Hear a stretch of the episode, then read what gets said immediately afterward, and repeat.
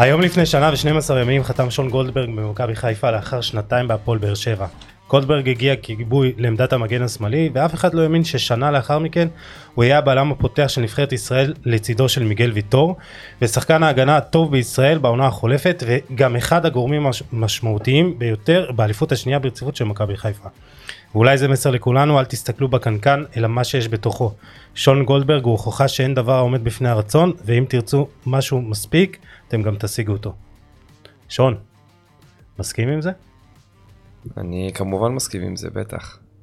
אני מאוד בדעה הזאת שלהאמין בעצמך, להשקיע הרבה, ככה חונכתי, אה, ואני חושב שבסופו של דבר עבודה משתלמת, חד משמעית. זה משהו שחשבת, אתה יודע, שחתמת במכבי חיפה. זאת אומרת, זה דמיינת שזאת הולכת להיות הקפיצה שלך, שאולי תוך שנה תגיע לנבחרת, שבאמת תגיע ל, לרמה הזאת, שהיום אתה באמת מוכר כ... אתה יודע, בעיני רבים לשחקן ההגנה הישראלי, בכל אופן, הכי טוב בליגה שלנו? ברור שכן. אה, נשאלתי את השאלה הזאת ועניתי את אותה תשובה. עזבתי מועדון שרצה אותי מאוד, רצה שאני אשאר, שהכיר אותי כבר, והבטיח לי להיות שם מגן ראשון, והחלטתי לצאת מאזור הנוחות שלי. אמ, כי האמנתי בעצמי, כי ידעתי מה אני שווה וכי חשבתי שאני יכול לעזור למועדון, ואני מאוד מאוד שמח שזה מה שקרה בסופו של דבר. אבל אתה חשבת כאילו, אתה אומר בואנה, באתי כאופציה למגן כיבוי, אוקיי? גם כולם זה מה שחשבו, והיית בקבוצת צמרת, ואתה בא לאלופה, כבר לקבוצה שרצה, שנה ראשונה, ואז אתה אומר, אני יכול להשתלב שם, והאמנת שאתה תהיה, בא, כאילו, בנקודה הזאת שעכשיו אתה נמצא בה, תראה, אתם בלם, אומרים, אתם אומרים, מוביל. אתם אומרים גיבוי, אני אומר משהו אחר, אני אומר באתי כי רצו אותי. ברק הכיר אותי גם מהפועל באר שבע, וקיבלתי הצעה ממכבי חיפה שרצתה מאוד שאני אגיע. זה לא שבאתי, אתה יודע, אני הולך להיות אה, גיבוי. ידעתי שתהיה לי תחרות, ידעתי שזה לא הולך להיות קל, שיש קבוצה שרצה כבר, יש מכונה משומנת, שלהיכנס אליה לא בהכרח יהיה דבר קל. אבל אה, בסופו של דבר האמנתי ביכולות שלי, ובאמת האמנתי שאני יכול לעזור לקבוצה. ואני שמח שזה יתברר כנכון. טוב, נדבר על העונה הזאת באריכות. כן. כן, צריך לדבר גם על הנבחרת, חזרת עכשיו אה, באמת משלושה משחקים שהיו לפחות בעיניי די, אפשר, להגיד, אפשר לסכם אותם אה, בהצלחה מסוימת, אתה יודע, עסקנו מול שתי נבחרות שפחות או יותר ברמה שלנו, לא הפסדנו, מקום ראשון בבית, אה, איך זה באמת מרגיש לשחק בנבחרת ישראל? כבוד גדול, שיחקתי בכל, בכל הנבחרות מהנערים ועד הנבחרת האולימפית. הנבחרת הצעירה. אה, כבוד גדול בשבילי ואני אין שמח ממני, באמת אה, חוויה מטורפת וכבוד גדול. אה, וכן, עשינו אחלה תוצאות, אנחנו נמצאים בעמדה טובה שהדברים בידיים שלנו, אז כמובן מאוד מאוד חיובי, ונחכה למשחקים הבאים. זה משהו שהעונה, אתה יודע, בא לך בבום הקטע הזה של לשחק, אתה יודע, באירופה, מול, בקצבים האלה, גם בקונפרנס ליג, גם בנבחרת, זה, אתה יודע, אתה בן 27, זה די פעם ראשונה, תקן אותי אם אני טועה, שיוצא לך לשחק ב... לא, שיחק, שיחקתי לפני, לפני שנתיים בליגה האירופית. 아, אה, כן, נכון. עם פועל באר שבע, שחקנו בליגה האירופית לפני ש... שנה, לפני שלוש שנים. נבחרת זה באמת משהו שונה בקצבים. כן, גם הופעת בכורה, חייב כן. להגיד, מול נבחרת גרמניה, זה לא הופעת בכורה נגד אה, כן. אזרבייג'אן, עם כל הכבוד לאזרבייג'אן. כן. אז באמת כאילו... איך זה מרגיש הופעת בכורה בנבחרת ישראל ועוד מול שחקנים מהטופ האירופי? מדהים, אה, כמו שאמרתי זה מבחינתי חלום, הגשמת חלום אה, לייצג את ישראל ולשחק בנבחרת ישראל ובאמת כמו שאמרת נגד שחקנים ברמה הזאת אתה פתאום חווה אותם אה, על המגרש במציאות אחרי שאתה רואה אותם בטלוויזיה. אתה, אתה באמת מתרגש? חווה, כמובן התרגשות, דריכות אני אקרא לזה כי זה לא פחות התרגשות יותר דריכות. אמ, אתה יודע שאתה הולך לשחק נגד שחקנים אה, מדהימים, שחקנים שמשחקים בקבוצות הכי גדולות בעולם, ואתה רואה, אתה מרגיש טוב מאוד את האינטנסיביות שלהם, את החוכמת משחק שלהם, את הטכניקה שלהם. זה באמת אה, רמה מדהימה וזאת חוויה גדולה לשחק ברמות האלה. אנחנו רוצים באמת לחזור איתך, אתה יודע, דיברו איתך כבר כמה רעיונות ודיברו איתך בעיקר, אתה יודע, על העונה הזאתי, אבל אנחנו רוצים לחזור איתך באמת קצת אחורה כדי יותר להכיר אותך ולהבין. קצת אתה, הרבה. כן, קצת הרבה אחורה, ואנחנו נדבר פה קצת באמת בפרק הזה קצת מזווית שונה. אה, אתה יודע, אתה התחלת בסופו של דבר אה, במכבי תל אביב. אה, בגיל שמונה, אם אני לא טועה. אתה זוכר את הימים הראשונים שלך? כן. אתה זוכר את הימים הראשונים שלך ככדורגל? כי בהתחלה אתה שילבת את זה עם עוד ענף. נכון. הייתי עושה, הייתי משחק כדורגל, הייתי לומד, למדתי באלחריזי. אה, בתל אביב, הייתי אה, מתאמן אצל אה, ג'קי צרפתי, אח של גיא צרפתי. כן, שהוא גם שחקן עבר דרך אגב. אז תראה מה זה הסגירת מעגל. כן, לגמרי. ו... ואז בשלב מסוים החלטנו שאני באמת אלך להיבחן אה, מכבי תל אביב. משם השער היסטוריה, הייתי משלב גם ג'ודו, גם כדורגל, מגיל 7 או 8 עד גיל 14. הייתי גם אלוף הארץ בג'ודו, הייתי כן. מאוד טוב בתחום. אבא שלי פחות רצה שאני אלך לכדורגל בהתחלה. אמר לי, תתרכז, אתה טוב בג'ודו, תתרכז בזה, אתה תוכל לעשות מזה קריירה. ולאט לאט הדברים התהפכו, התאהבתי בכדורגל, וגילינו שאני גם טוב בכדורגל. אמ, ומאז השאר זה היסטוריה. תשמע, אתה יכול, זה, זה גם שבע שנים, וזה תמיד אנחנו אומרים, גם אה, דיברנו עם דוקטור מרק ורטהיים על המומחה עולמי לקואורדינציה, וזה באמת שמאוד חשוב לתת לילדים היום להתעסק בכמה ענפי ספורט שונים. וזה גם נותן ערכים שונים, זה גם נותן אה, דברים שונים, אה, איכויות שונות. מה זה נתן לך, ג'ודו? אני חושב שזה מדהים, האמת. קודם כל השילוב הזה שהוא בין ספורט אה, אינדיבידואלי לספורט קבוצתי.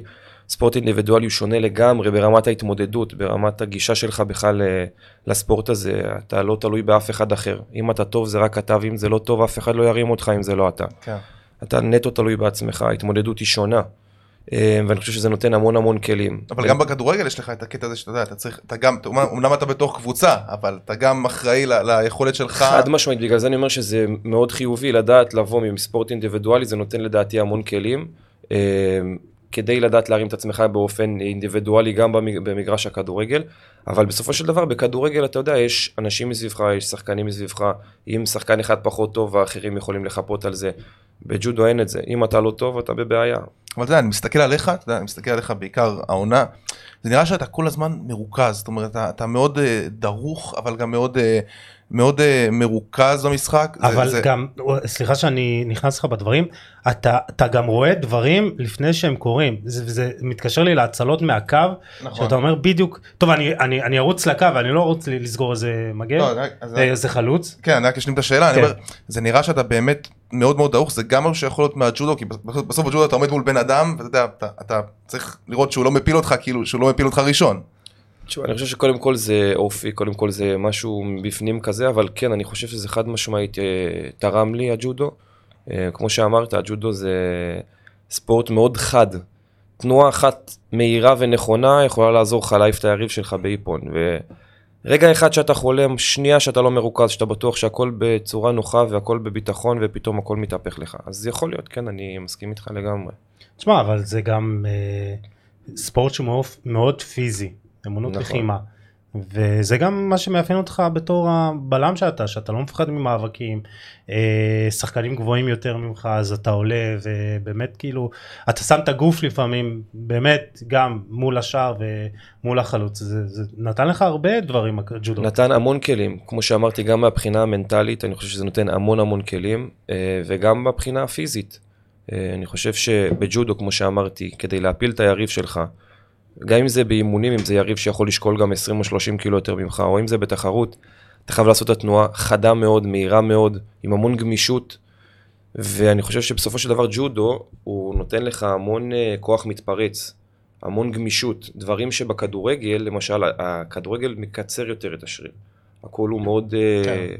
מקצר את השירים. אז אני חושב שברור שזה נותן uh, יתרון לבן אדם, לילד נגיד, ש, שעושה ג'ודו, שמתאמן בג'ודו ומשלב את זה ביחד עם כדורגל, או לא בהכרח ג'ודו, אולי יהיה אומנות לחימה אחרת גם. כן, כן, זה, אבל, אתה יודע, דברים שעושים באייקס למשל, חושב, דברים כן, באמת כן, כן, זה דברים שנעשים באירופה. לפי, אם אני לא טועה, אני לא רוצה להגיד סתם, אני חושב שגם בברצלונה עשו את זה, שנתנו לשחקנים צעירים גם להתאמן ולחוות ג'ודו וסוגי ספורט אינדיבידואליים.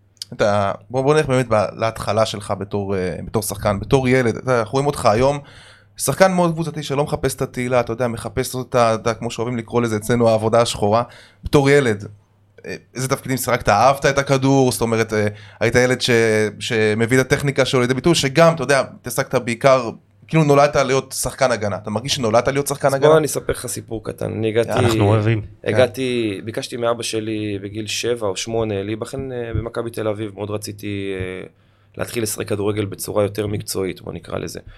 אה, ואז הגעתי לאוניברסיטה, לאוניברסיטה, יש שם מגרש כדורגל, מכבי צפון, מכבי צפון בדיוק.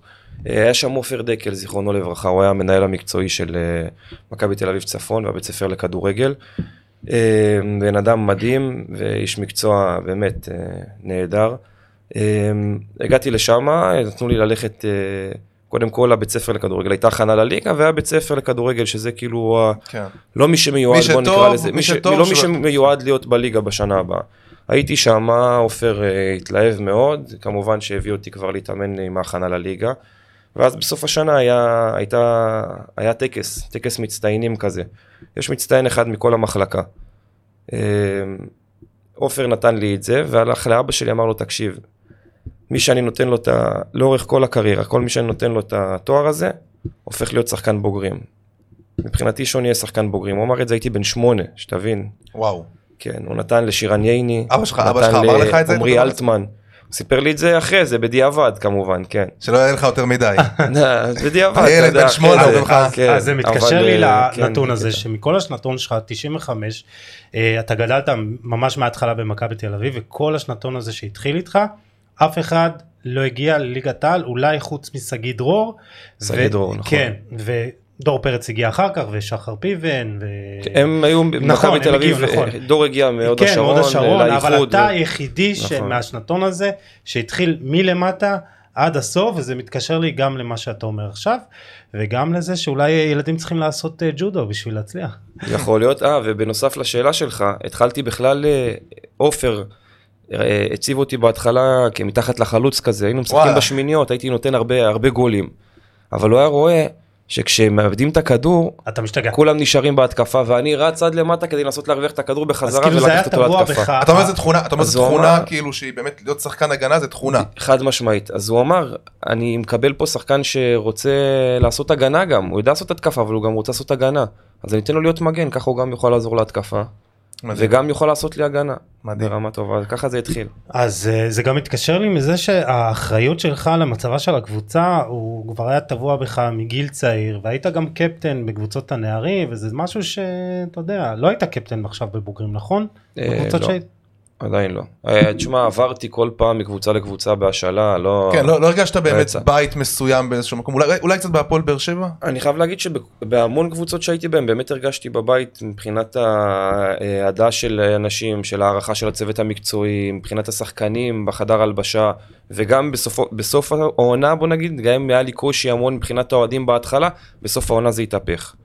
אבל uh, בסופו של דבר לא החזקתי המון זמן בגלל שהייתי המון בהשאלות, הייתי חמש או שש שנים בהשאלות. זהו, זה נושא גם שאנחנו רוצים, אה, שאנחנו באמת רוצים לדבר עליו, הקטע של ההשאלות זה נושא שהוא, אתה יודע, מוכר ל- להרבה מאוד שחקנים בכדורגל הישראלי, שאתה גדל בקבוצה גדולה, ובקבוצה גדולה יש את הקטע הזה שמאוד קשה להגיע לבוגרים, זאת אומרת, אתה ב-2014 אם אני לא טועה, עלית לבוגרים אה, שפאולוס סוזה היה מאמן, פעם ראשונה הצחקת?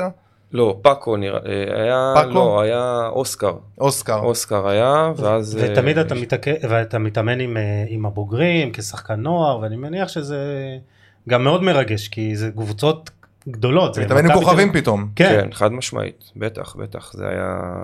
ואתה חושב בהם האלה איך אני משחק במכבי תל אביב, או איך אני באמת מוצא קבוצה שאני אוכל... איך אני משחק במכבי תל אביב, חד משמעית. מהרגע הראשון האמנתי שאני יכול... Uh, לעלות ו- ולהראות מה אני שווה על המגרש. ובסך הכל שחקת משחק אחד בליגה. כן, יש לך הופעה אחת בליגה במכבי תל אביב? היו לי עוד גביע וגביע טוטו, אבל uh, אני חושב שבאמת זה קצת מיותר, כי בסופו של דבר זה עבר והיה, אבל אני חושב שגם כשקיבלתי את ההזדמנויות uh, הראיתי מה אני שווה, אבל זה, אתה יודע. לפעמים כשאתה צעיר ומגיעות הזדמנויות אחרות, או פתאום עסקת ורמוט, שביקשו אותי לבוא לתל אביב, אז זה בדיוק מה שרצינו לדבר. וביקשו אותי לבני כן. יהודה, אז זה דברים שלא היו תלויים בי. אבל אה, זרמתי עם זה, ובדיעבד זה כמובן היה טוב. כן, זהו, מעניין אותי. איך זה מרגיש אה, לפני זה רק, אה, אתה יודע, להתאמן עם שחקנים כאלה בקליבר מטורף, זה, אתה יודע, זה מי זה היה שם? היה רן זהבי כבר, דור מיכה, מיטרוביץ'. כל ה... לא, קרלוס קרלוס גרסיה. איך זה באמת אה, לשחק, להתאמן, להיכנס לחדר הלבשה כזה, חוויה, חד משמעית חוויה, עלינו, איך אתה מרגיש? אני ודור פרץ עלינו, היינו בני 18, משהו כזה, אני מכינו שנה, כן, שנה שלישית של הנוער, 19, כן, ואתה כמובן נכנס לקבוצה שרצה, לוקחת תארים ודאבלים וטריפלים. ו... יש דיסטנס כזה קצת, או, ש... או שעוזרים, או שכאילו... לא, איך, זה, איך זה נראה? לא, לא, זה באמת, יש אחלה, אחלה חבר'ה בסופו של דבר. שירן ייני היה למשל מחבק המון את הצעירים, ואתה יודע, יש שחקנים שיותר, יש שחקנים שפחות, אבל בסופו של דבר באמת הייתה חוויה. ואתה יודע, כשאתה מתאמן ברמות גבוהות אתה משתפר. כשאתה משחק ברמות הגבוהות אתה משתפר. אז כמובן שזה מרכיב משמעותי ב... בכניסה שלנו, בוא נקרא לזה לליגת העל, לי ולדור. זהו, ואז, ואז באמת אה, הזכרת כבר מקודם את, ה, את העסקה של אה, גילי ורמוט, אז אנחנו באמת אה, רצינו גם, רצינו גם לדבר על זה. איך זה מרגיש, אתה יודע, אתה, אתה, אתה גדל במכבי תל אביב, אתה כל החיים שלך לובש צהוב, ופתאום אומר לך, טוב, תוריד את הצהוב, אתה שם אדום. איך, הקהל, איך, איך, איך זה הרגיש פתאום, איך, איך קיבלת את זה, ובוא תספר גם איך, איך אה, הודיעו לך על הדבר הזה, כי זו הייתה עסקה שהייתה מאוד מאוד מוזרה בנוף של הכדורגל הישראלי. כן, זה היה משהו לא רגיל, אני לא חושב שזה קרה, אני לא יודע אם זה גם יקרה. אה, קרתה סיטואציה, הייתה איזו עסקה עם גילי, כמו שכולם יודעים, ובסופו של דבר אה, התבקשתי. הפועל תל אביב מאוד רצו שאני אגיע, אני ובן רייכרד. אה, לא היה לנו say כל כך בעניין. ג'ורדי הפעיל הרבה לחצים? היו לחצים, ובסופו של דבר, אה, אתה יודע, זה לעשות משהו אה, מאוד מפחיד, בוא נקרא לזה, אתה יודע, ללכת לקבוצה יריבה. בהשאלה, לא תגיד, אה, כאילו, אתה הולך לשחק שם ואז חוזר למכבי תל אביב. זהו, זה, מש, זה הזוי הקטע של השאלה ממכבי תל אביב להפועל תל אביב, אתה ראית את עצמך, כן. באותו רגע חשבת שתחזור למכבי תל אביב, או שאמרת בלב, זה נגמר עם מכבי תל אביב. לא, לא, לא אמרתי, לא אמרתי שזה נגמר, בכלל לא, ידעתי שזה השאלה, ידעתי שזאת השאלה ו... ובסופו של דבר המטרה היא לחזור אחרי זה. אבל ידעתי שאני הולך להיכנס למצב שהוא מאוד בעייתי, מאוד נפיץ. וכך היה. כן. באימון הראשון... אה, חטפת הרבה. חמש ניידות משטרה היו צריכות להוציא אותנו מהמתחם, אותי ואת בן. והגיעו המון אוהדים שעשו המון בלאגן. אתה חושב אה, למה נכנסתי לזה? זה לא היה קל. זה גם לא היה בשיטתו. בוא נגיד שזה לא היה קל, אבל אני חושב שבסופו של דבר... למה? היית יכול להגיד לא. היית יכול להגיד לא לדבר כזה עכשיו בדיעבד? בדיעבד, בדיעבד אני חושב שזה עשה לי רק טוב. התמודדתי עם דברים חדשים, עם לחצים, תחת uh, המון uh, עיניים uh, שבוחנות אותך. אני חושב שדווקא זה עשה לי המון טוב. גם התחשלתי, וגם זה נתן לי דקות משחק, וגם uh, באמת הראיתי uh, את היכולות שלי. אז אני חושב שבדיעבד זה היה טוב, אבל באותו רגע זה כמובן היה צעד מאוד uh, קשה וסיכון מאוד גדול. איך זה הרגיש באמת כאילו לצאת מאימון ראשון ואתה סך הכל רוצה להוכיח את עצמך, אתה כאילו הכניס אותך לאיזה סיר לחץ שאתה אומר אני רוצה רק לשחק כדורגל, אז איך זה בתור ילד עדיין מרגיש שאתה בא לשחק כדורגל ויוצא בליווי משטרתי. וקללות של אוהדים. כן, ו... זה לא קל, זו סיטואציה מאוד קשה. אתה יודע, בסופו של דבר אה, באתי לעזור למועדון, באתי לשחק ולתת את כל כולי על המגרש, זה לא משנה איפה ו- ואצל מי. באתי לעזור למועדון ובעצם בסופו של דבר אני מקבל אה, אה, קללות uh, uh, וגידופים ואיומים. אז זה לא היה קל, אבל שוב פעם זה מאחורינו, זה, אני באמת חושב שבסופו של דבר, כשחלק קטן בסוף, בסוף העונה שרק בוז, השאר מחאו כפיים, ואני חושב שזה מוכיח. אז זהו, אז רק אני רוצה להגיד לך בנושא הזה, אה, חבר שדיברתי איתו אה, משער חמש, אמר שאתה, שהוא מאוד העריכו אותך, ושנתת חצי עונה טובה, אז אה, אתה, יש גם חלק לא מבוטל בקהל שמאוד העריך את התקופה שלך שם. כן, אני יודע, ואני אגיד לך גם יותר מזה, המון אנשים שקיללו אותי, באו אליי אחר כך ואמרו לי, תשמע, אנחנו מאוד מעריכים אותך, אנחנו לא כועסים עליך, אנחנו כועסים, כועסים על המקרה שקרה. על המועדון. אנחנו כועסים על, ה, על, על, על העניין הזה שאתה במרכאות הצגת, לא, לא, לא ברצונך. אמ, אבל עליי, אתה יודע, בסופו של דבר כבן אדם הם לא כעסו, הם גם העריכו אותי, ואני יכול להגיד לך שגם רצו שאני אשאר שם. ما, מה דעתך אבל באמת על, על, על, מעבר, על מעבר מהסוג הזה? אתה יודע, זה מעבר שאולי הכי נפיץ בכדורגל הישראלי, מכבי, הפועל תל אביב, אה, זה משהו שהוא... מכבי תל אביב, הפועל תל אביב. כן, מכבי תל אביב, הפועל אוקיי. תל אביב, יפה מאוד, הוא קשוב לאוהדים שלו, יפה, אוקיי. צודק. צילמת את זה בדיוק בקטע הזה? וואי וואי, זה טוב. אבל... אה, באמת, אתה חושב שזה משהו שהוא לא בריא, לא בריא לשחקנים לעשות את המהלך הזה שהוא too much אה, נפיץ? אני חושב שזה מאוד אינדיבידואלי. או שאתה מסתכל מקצועי כאילו. לא, אני חושב שזה מאוד אינדיבידואלי, זה תלוי באופי של שחקן, ובסופו של דבר רק בדיעבד אפשר לדעת. אני חושב שלי זה עשה טוב. אני באופי שלי שחקן שנלחם, אני אוהב לנתק את כל הרעשי רקע מסביב. ואני חושב שעל המגרש... מה זה? תן איזה טיפ לאיזה שחקן שחווה דברים כאלה, איך מנתקים רעשים, איך מתרכזים במטרה הזאת. קודם כל מסתכלים על הצד החיובי. באת למועדון שרצה אותך, שנלחם עליך בעסקה הזאת, זאת אומרת שהוא רוצה שתבוא ות, ותראה את היכולות שלך והוא נותן לך פה אה, דלת, אתה רק צריך להיכנס אליה. לנתק את כל הרעשי רקע, לה, להגיד לעצמך, יש לי פה הזדמנות על הדשא להראות מה אני שווה. יש עכשיו, בגלל כל המקרה, יש הרבה יותר עיניים בוחנות, הרבה יותר אנשים שמסתכלים. גם אם זה אנשים שרוצים במרכאות שלא תצליח, או כועסים על הסיטואציה, בסופו של דבר אתה יכול להראות להם מה אתה שווה. ולהגיד, רגע, עצרו הכל, לא אהבתם את המקרה, לא אהבתם את כל הסיטואציה, אבל בא לפה שחקן שרוצה לתת את הלב שלו ורוצה לעזור לקבוצה. אז אני חושב שיש פה המון דברים חיוביים, אז בסופו של דבר, להסתכל על החיובי. אם תסתכל על השלילי, טוב לא יצא מזה. אתה עושה מדיטציה, משהו, דברים כאלה? ש... לא, אבל אני מטבעי בן אדם כזה שקט ומסודר. אוהב, אתה יודע, לא בלאגניסט. מספרים, מספרים שאתה היית לומד בזמן uh, בין האימונים וכאלה, בתואר שלך למנהל עסקים. כן, סיימתי את התואר בשנה, בשעה טובה, סיימתי אותו השנה. אה, עשיתי תואר במנהל עסקים באוניברסיטת רייכמן. וכן, היו, היו תקופות שהיו אימונים או משחקים בזמן המבחנים, אז uh, הייתי מוצא את עצמי ככה, בוא נגיד בנסיעה, בנסיעה באוטובוס מ...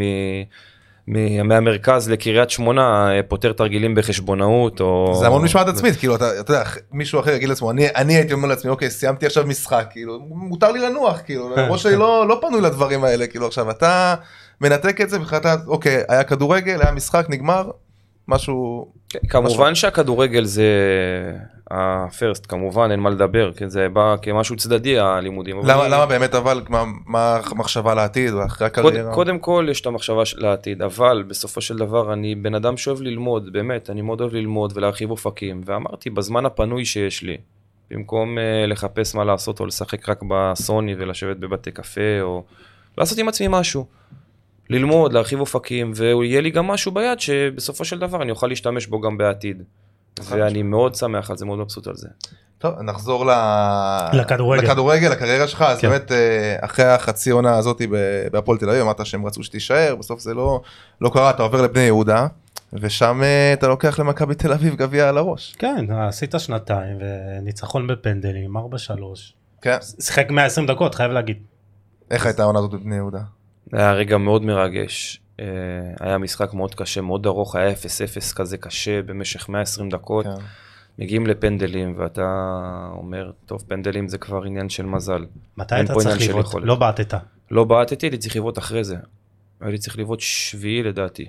גם, גם השנה, גם השנה לא בעטת, לא וגם השנה לא בעטת, ואנשים, וגם... באו בטענות על זה למה הוא לא בועט, כאילו הכי רגוע על המגרש, הוא בטוח שם את זה, ולמה הוא לא בועט. אז למה לא בעטת? גם את זה נשאלתי, אמ, אתה יודע, מסתיים, ה... מסתיים אותם 120 דקות, הולכים לשתות, כל אחד רגע מתארגן, מנערים לו את השרירים וזה.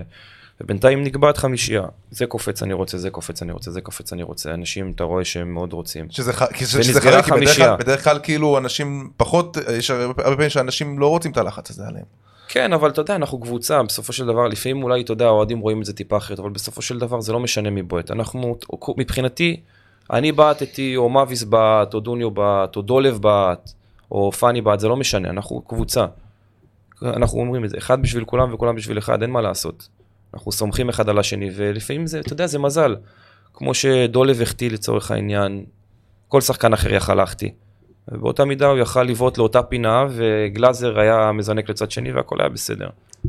אין מה לעשות, זה, הפנדלים זה באמת עניין של המון מזל. אתה יודע, יש טיפה יכולת לבעוט את הפנדל בצורה הכי טובה שאפשר, אבל כן. יש בזה גם המון מזל, אז אה, לא חושב שיש מה לכעוס על זה. נחזור לזכייה עם אה, בני יהודה. איך זה מרגיש לזכות תואר ראשון שלך בקריירה? אה, ב Transfermarkt יש לך, רשום, רשומה לך אליפות אה, עם מכבי ב-13-14, משהו כזה. כן. אבל זה התואר האמיתי הראשון שלך. Uh, איך זה מרגיש לזכות תואר ראשון? ועוד על מכבי תל אביב, מועדון הבית שלך, כאילו זה עשה את זה, את השחייה טיפה יותר מיוחדת? קודם כל זו הייתה שחייה מאוד מאוד מיוחדת, כי זה תואר ראשון, משמעותי. גם בבני יהודה שזה מקום מיוחד לזכות בו בתואר זה גם נכון. תואר שהיה אחרי הרבה מאוד שנים זה לא הגביע השני זה הגביע נכון, הראשון. זה הראשון, נכון נכון. אז נכון. היו חגיגות מטורפות בשכונת נכון, התקווה. ואני אגיד לך יותר מזה גם גם בפנדלים היה מצב אני לא זוכר מי היה בועט האחרון אני חושב שיוסי בניון היה מצב שאם הם שמים את הפנדל הם ניצחו. הם היו צריכים להחטיא פנדל, אנחנו נשים פנדל כדי רגע לאזן את התוצאה, ואז שהם יחטיאו פנדל ואנחנו נשים פנדל כדי לנצח. זאת אומרת, היינו כבר רגל וחצי בקבר, בהפסד, ופתאום זה התהפך כזה, ו... ו- היו אמוציות שאני לא יכול להסביר לך באמת. תשמע, זה לקחת גביע באמת בקבוצה שהיא לא, שהיא לא אחת מהגדולות, זה משהו מיוחד, זאת אומרת, זה כן, תחושה זה אחרת. מיוחד, זה מיוחד, זה מיוחד מאוד, אה, באמת תחושה כיפית, אבל אני חייב להגיד לך שאין כמו אליפות. האליפות שעשינו השנה זה משהו... תגיד את זה לשלומי לא אזולאי, ישב פה לפני שבוע שלומי אזולאי, אומר כן זכיתי באליפות, זכיתי בשתי אליפות, אבל חשבתי זה יותר כיף. חשבתי מרגש כאילו וזה. או כאילו, אתה יודע, בסופו של דבר גביע זה משהו רגעי כזה. זה גם משהו כיפי מאוד, מיוחד וזה, וזה נותן גם אופציות לקבוצות יותר קטנות. ואליפות זה אחרי אה, מרתון, זה כאילו... קודם כל אליפות זה מי הקבוצה הכי טובה. אנחנו הוכחנו השנה שאנחנו הקבוצה הכי טובה, ועל זה אני מאוד שמח, וגם אני חושב שעשינו עונה מדהימה. אתה יודע, עשינו דברים, אתה יודע, אנשים נוטים לשכוח. אני יודע. זה, אנשים זה... נוטים לשכוח, אבל עשינו תוצאות מדהימות. זו אחת השאלות ש... עשינו עשרה ניצחונות ברציפות, אני אומר לך, אני הגעתי למשחק בידיעה שאני מנצח את המשחק. כן, כאילו, היה, הייתה, הייתה תקופה כזאת בעונה שבאמת הרגישה שהגול הוא ושחקנו כדורגל חיובי. כן, היה ממש, היו תקופות מדהימות. ואסור לשכוח שהייתה עונה מאוד מאוד מאוד ארוכה.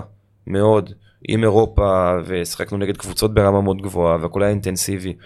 אז יש תקופות שאתה יודע, יש גם טיפה ירידה, וזה מובן, וזה כמובן עדיף שלא יקרה, אבל יש גם דברים כאלה. ואסור לשכוח את הדברים הטובים, זה, זה מה שאני חושב. נחזור לאליפות, אבל הרגשת כזה איזה ניצחון פרטי כזה, שזה על מכבי תל אביב? כאילו, אה, הוכחתי לכם? תשמע, אני לא צריך להוכיח לאף אחד, אני באמת, גם אז אמרתי את זה, כמובן שזה, אתה יודע, באיזשהו מקום כן, זה כאילו וואלה, תראו מה פספסתם. אבל... הסתכלת על המקום שלך. הסתכלתי על עצמי, הסתכלתי על עצמי, באמת, אני לא, לא חיפשתי לעשות, אתה יודע, לנצח אותם, חיפשתי לקחת את הגביע הזה, זה משהו שהיה מאוד מאוד חשוב לי. וכן, על הדרך לעשות את זה נגד מכבי תל אביב, וחד משמעית היה כיף, חד משמעית. שנה אחרי זה שוב מצאת את עצמך בגמר גביע. או, זו, זה הגענו לביתר, נכון. ביתר ירושלים. נכון. איזה, איזה שברון לב. אני אספר לכם אנקדוטה קטנה, ממש קטנה. אחרי השנה הזאת של הגביע הייתי אמור, נסעתי, טסתי עם אבא שלי, עם אדם קדן וגלעד קצב. נכון. אדם אה, סוכן שלך? גלעד סוכן שלי, ואדם כמובן עובד איתו, אדם קידן. אה, טסנו לציריך, להכיר שם את הבעלים, וזה, הם מאוד רצו שאני אחתום שם. אז הגעתי לשם להתרשם מהמקום, להכיר את הבעלים, להכיר את המאמן. חזרנו, קיבלתי הצעה לחוזה לחמש שנים, ארבע או חמש שנים. אה, לקנייה ממכבי תל אביב, ובסוף אה, לא הסתדר. לא הסתדר, לא שחררו אותי. לא, לא, שייך למכבי תל אביב, אה, הכל. גם כשהייתי בבני יהודה הייתי כן. מושאל ממכבי כן. תל אביב, וגם מהפועל תל אביב הייתי מושאל. לא שחררו אותי, היה מה שהיה, אני לא כל כך מעורה בפרטים הפנימיים, אבל בסופו של דבר לא נתנו לי ללכת. וככה התגלגלתי בעצם להשאלה לביתר ירושלים. זה משהו שבהתחלה לא תוכנן, אבל אלי טביב מאוד רצה אותי, וככה בעצם הגעתי. הייתה, הייתה עונה סוערת בבית"ר ירושלים, זאת אומרת, כן... הייתה עונה טובה הייתה מאוד. הייתה עונה טובה מבחינה מקצועית. התקפה הכי טובה בליגה, נכון. הייתם מאוד קרובים לבאר שבע, והיה איזה, נו, עד שכי... כן, עד השבוע האחרון, בוא נגיד שהיינו אה, עם היד על שני התארים. כן, 4-0. כן, היינו בסיפור של שני התארים. ו... אז אלי טביב רב עם עידן ורד לפני הגמר וזה. זה אתם אומרים, אני לא מעורה בפרטים האלה, אין לי מושג. לכאורה, אבל באמת, כאילו, איך הייתה העונה הזאת בביתר? גם מבחינה אישית? אה, הייתה עונה מצוינת, באמת הייתה עונה חבל הזמן, גם שם, אתה יודע, כל השנים האלה ששיחקתי, הייתי מגיע למקום עם תחרות. וזה גם מתקשר לזה שאתה אומר לי למה באת למכבי חיפה בידיעה שאתה בא לתחרות ואתה בא ל... למקום שהוא כבר רץ, אז גם לצורך העניין בבית"ר ירושלים היה מרסל אייסטר, שהיה שחקן אה, מאוד אהוב. וואו, מגן מדהים. גם בקרב הקהל, גם בקרב המערכת, הצוות המקצועי. אבל הגעתי בידיעה שאני מאמין בעצמי וביכולות שלי, ושאני כן יכול לתרום לקבוצה. ובסופו של דבר, אה, גם שם זה קרה, אני מאוד שמחתי ו... ותרמתי שם את החלק שלי, והנה, ו... אתה יודע, זה באמת שיש פה, אפשר לדבר כל כך הרבה, אבל אתה יודע, דיברו על זה שאני מגן הגנתי מאוד. בסופו של דבר, הנה, אז אתה רואה בקבוצה, שמה אמרת שהייתה התקפה הכי טובה בליגה? 75 שערים, כן. אז, כן. אני, אז אתה יודע, אפשר לדבר המון על הנושא הזה של התקפה בתור מגן ודברים כאלה, אבל בסופו של דבר אה, באמת היה לי, הייתה לי עונה טובה מאוד שמה, שיחקתי הרבה, תפסתי את המקום בהרכב, ובאמת היינו עד השנייה האחרונה קרובים גם לאליפות וגם לגביע, ולצערי הפסדנו את אז, אז בואו נדבר על הקטע הזה, כבר, אם כבר הזכרת את זה, יש, אה, יש אוהד בית"ר שמאוד אוהב אותך, קוראים לו משה זיאת, יש לו גם פודקאסט, ואוהב אותך בגלל, בגלל שאתה באמת מגן מהמגנים הישראלים היחידים שהם, שהשגת מגן, זאת אומרת, שלא מאבד את עצמו בהתקפה, זאת אומרת מגן שזוכר שקודם כל התפקיד שלו זה מגן, קודם כל לעשות הגנה ואתה גם דיברת על זה ואשכרה אמרת את זה, זאת אומרת מבחינתך מגן זה קודם כל הגנה. צריך להוסיף גם, סליחה שאני מתערב, שהוא לא רק אוהב אותו, הוא גם אמר שזה הבנקר הכי גדול שלו במכבי חיפה ושהוא צריך להגיע לביתר. כן. ו... עוד כשכולם לא האמינו. אף אחד לא האמין, אף אחד לא זה, והוא תמך בך מהשנייה הראשונה, צריך, צריך להגיד את זה. תודה, כיף לשמוע. אז מה זה באמת תפקיד המגן מבחינתך? כאילו, זה, איך, זה ככה לימדו אותך שקודם כל איך לסגור, איך אה, מבחינה אני, מקצועית? אני חושב שפשוטו כמשמעו, מגן הוא קודם כל מגן. המטרה שלו היא להגן על השער. יש אה, שחקני התקפה שהמטרה שלהם, אתה יודע, בוא נלך רגע הכי פשוט. עזוב שהכדורגל המודרני כל הזמן, הוא כל הזמן מתחדש. והיום מגן צריך לעשות גם הרבה יותר התקפה, זה בסדר, זה מקובל עליי, אני מסכים עם זה, אבל בסופו של דבר אני חושב שאתה צריך להיות בהגנה בטון, ואז לדעת לשפר את החלק ההתקפי שלך. אה, אז כן, אני חושב שמגן קודם כל צריך לדעת לעשות הגנה בצורה טובה, ואני חושב שאמרתי את זה כבר כמה פעמים, שהגנה זה אומנות, לא חושב שמעריכים אותה מספיק. לדעת לעשות את הסגירה הנכונה, לקרוא את הסיטואציה בזמן, או אפילו לפני שהיא קורית. זה דברים לא מובנים מאליהם, ולפעמים לא מעריכים אותם. אתה יודע, לפעמים אני עושה איזה... איזה סגירה שאני במגרש אומר וואי איזה סגירה טובה עשיתי איזה כיף איזה זה ואני רואה שלא דיברו עליה בכלל אין הילוך חוזר אין כן, ולעומת זאת איזה בעיטה שהולכת לשמיים מ-30 מטר מראים פתאום הילוך חוזר אתה יודע או זה. אז אני אומר שזה משהו שהוא משתנה לאט לאט אני רואה בעולם גם שיש הערכה מאוד גדולה לשחקני הגנה עכשיו. אה, אם זה שחקנים ברמה גבוהה ונדייק והמון שחקנים אחרים אבל. Uh, אבל לא, כן, לא, אני חושב לא. שלאט לאט אה, צריך להעריך יותר את ההגנה, כי זה גם חלק משמעותי במשחק. אתה לוקח השראה באמת משחקני הגנה?